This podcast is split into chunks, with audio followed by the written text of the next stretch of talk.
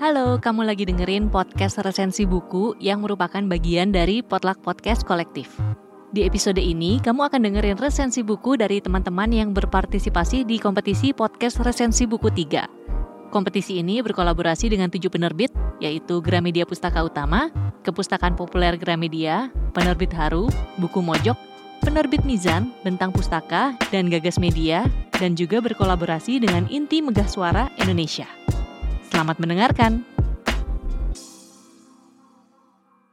Kita menentukan standar kebahagiaan, lalu tersakiti karena sempitnya standar kita. Halo semuanya, perkenalkan namaku Farida Arsita. Di sini aku mengikuti kompetensi resensi buku 3 yang diadakan podcast resensi buku. Buku yang akan aku review kali ini, Jika Kita Tak Pernah Baik-Baik Saja karya Alfi Syahrin dengan penerbitnya Gagas Media. Buku berwarna hitam dengan tulisan yang berwarna biru, serta halamannya yang kurang lebih berjumlah 205, sangat memberikan kesan yang mendalam untuk pembaca. Sebelumnya, Alfi Syahrin juga menerbitkan beberapa buku self-improvement lainnya. Pemuda kelahiran 1992, aktif menulis sejak tahun 2012, dan sekarang masih aktif menulis di beberapa platform media sosial.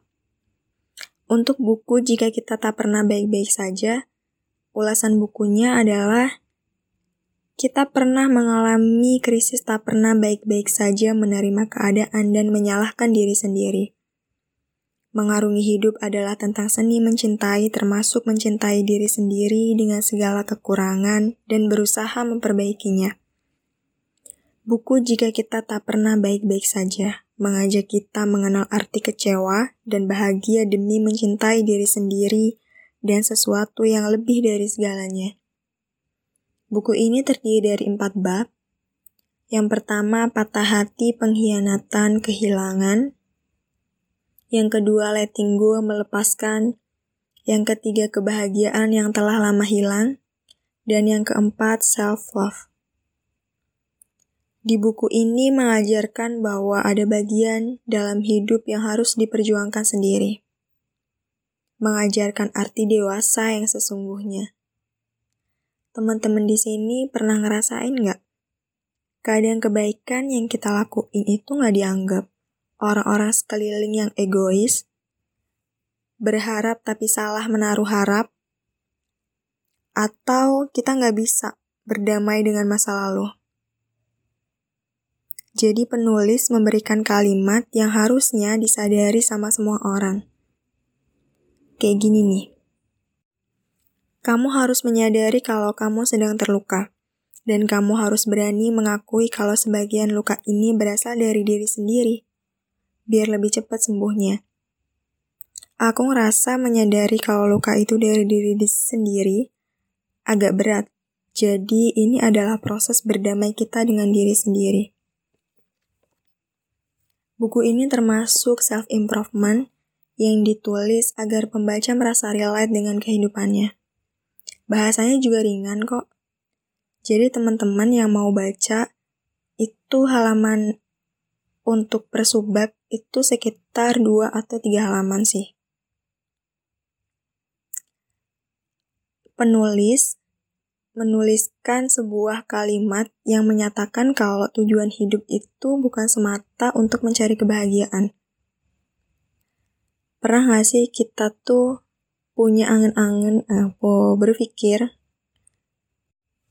coba aja kehidupan kita kayak influencer itu, pasti bahagia. Coba aja aku nikah sama si dia, pasti bahagia. Kalau aja aku bisa dapat gelar itu, pasti bahagia. Padahal, kehidupan ini gak melulu bahagia. Ada kepayahan, juga kesusahan, dan itu normal sih. Satu lagi, di luar sana, uh, ada orang yang seharian cari kerja, pulang dengan tangan hampa, tapi ia masih bisa tersenyum untuk keluarganya. Padahal hatinya lagi gak baik-baik aja dari mutasi kehidupan ini, uh, aku bisa belajar kalau misalnya kita semua itu lagi nggak baik-baik aja, tapi mencoba untuk baik-baik aja. Dan itu sesuatu yang menurut aku harus dipertahankan. Untuk self-love, menurutku juga penting banget sih. Karena mencintai diri sendiri, kita juga bisa mengenal kecewa, mengenal bahagia yang sesungguhnya. Juga kita bisa menerima kekurangan yang ada di diri kita sendiri. Oke teman-teman semua, itu dia review buku Jika Kita Tak Pernah Baik-Baik Saja. Kalau kalian juga suka sama bukunya, kalian bisa beli di toko buku online ataupun offline. Karena jujur, ini bukunya bagus banget. Ngubah pandangan kita tentang suatu kehidupan. Terima kasih juga buat teman-teman semuanya.